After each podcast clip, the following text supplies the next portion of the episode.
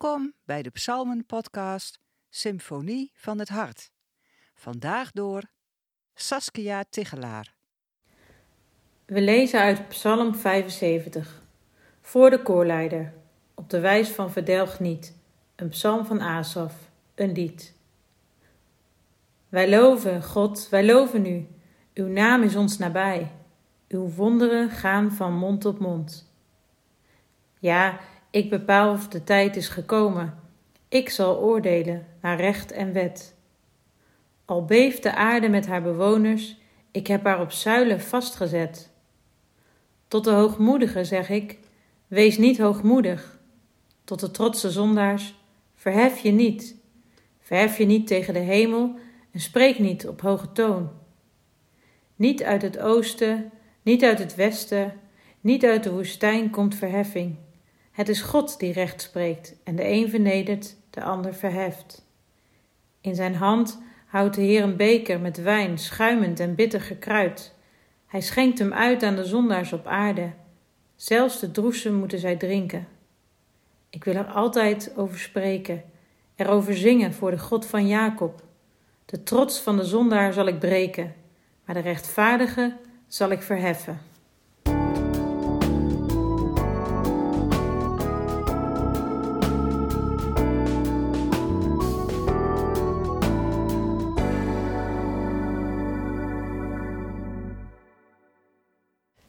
Only God can judge me. Deze uitspraak zag ik laatst weer eens op iemands lichaam getatoeëerd. En ik hoor het gedetineerden ook vaak zeggen. Alleen God kan mij oordelen. Het klinkt dan als een troost. Ook al keurt de maatschappij mij als persoon af, God kijkt verder dan de buitenkant en ziet hoe ik echt in elkaar zit. Maar als ik deze psalm lees, weet ik niet of ik dat zo'n geruststellende gedachte vind. Er gaat namelijk behoorlijk dreigende taal vanuit.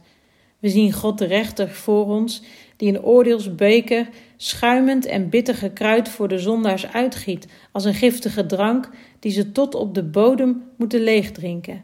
En, daar kan je naar raden, waar ze geheid aan onderdoor gaan. En ook we lezen, lezen we over God die de trots van de zondaar zal breken. Hij zal verheffen, maar ook vernederen. In de grondtekst lezen we over het beeld van een hoorn die van de goddeloze wordt afgehakt. Ja, God is een God van liefde en bij hem is genade zeker. Zijn goede tierenheid is tot een eeuwigheid, maar hij is dus ook een God van recht.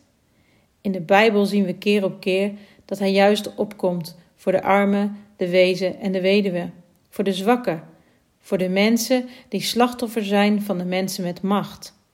Hanna getuigt hier in haar gebed in 1 Samuel 2 ook van. Ze dankt dat God haar gezien heeft en haar een kind schenkt na al die jaren van getreiten door Penina omdat ze geen kinderen kon krijgen. Maar wie zijn dan die slachtoffers en wie zijn de daders in onze tijd, vraag ik me dan af. Aan wiens kant staat God eigenlijk? Door mijn werk in de gevangenis heb ik ontdekt dat dat niet altijd zo duidelijk is. Zwart is niet altijd zo zwart en wit niet altijd wit. Vaak gaat het daderschap hand in hand met jarenlang zelf slachtoffer geweest te zijn, van ik noem maar een voorbeeld, bijvoorbeeld huiselijk geweld. Nou herken ik mezelf niet in juridische zin in het daderschap. Maar ik maak me wel degelijk zorgen over de vraag wat mijn verantwoordelijkheid is ten opzichte van de schepping. De zorgelijke berichten rondom klimaatverandering stapelen zich op en de gevolgen zijn groot, met name voor de veel armere mensen aan de andere kant van de wereld. Zal God mij als rijke westeling te zijner tijd om verantwoording vragen? En als het gaat om de vele vluchtelingen die op stoelen moeten slapen omdat de AZC's vol zijn, overvol zijn, zal hij mij vragen wat ik voor hen heb gedaan terwijl ik een kamer over had in mijn huis? Aan welke kant sta ik eigenlijk als God komt om te oordelen? Nou, als het gaat om deze vragen, dan wanen we ons in onze christelijke gemeenschappen meestal wel veilig. Want ja, we hoeven toch niet zelf te verdienen? We leven toch van genade? Ja, dat is zeker waar. Maar laten ons voor dit moment nou niet te snel aan de goede kant zetten. Wees niet hoogmoedig en niet trots, waarschuwt de psalmist. Verhef jezelf niet. Trots en hoogmoed maken dat je jezelf overschat en beter acht dan de ander. Dat je meer bezig bent met zelfbehoud dan met wat goed is voor de ander. Er is altijd wel iemand die het minder goed dan, doet dan jij als je je steeds met anderen vergelijkt. Dan breng je het altijd nog best goed vanaf. In de bergreden prijst Jezus de mensen die nederig zijn en zachtmoedig. Als je nederig bent, dan heb je inzicht in jezelf. Je durft je eigen fouten onder ogen te zien en staat open voor de inzichten van anderen. Mensen die nederig zijn, durven hun eigen bestaan eerlijk onder ogen te zien. Ten diepste erkennen zij dat ze God nodig hebben. Moeten we dan maar vol spanning en onzekerheid afwachten hoe God ons zal oordelen als Hij komt? Of we wel voldoende nederig zijn en zachtmoedig? Of we wel genoeg gedaan hebben voor de zwakken in de maatschappij? Gelukkig begint deze psalm met het vertrouwen dat de naam van de Heer ons nabij is. In deze tijd, op weg naar Pasen, denken we eraan dat God ons zo nabij is geworden dat Hij mens is geworden en de weg van het lijden is gegaan voor ons. Jezus bad tot drie keer toe tot de Vader in de hof van Gethsemane. Vader, als het mogelijk is, laat deze beker dan naar mij voorbij gaan, maar laat het niet gebeuren zoals ik wil, maar zoals u het wilt. Het was een vreselijke beker, maar hij heeft de beker van Gods oordeel helemaal leeggedronken, tot de laatste druppel aan toe. Hij, die zelf zachtmoedig was en nederig van hart, is gekomen om het oordeel dat wij verdienden op zich te nemen.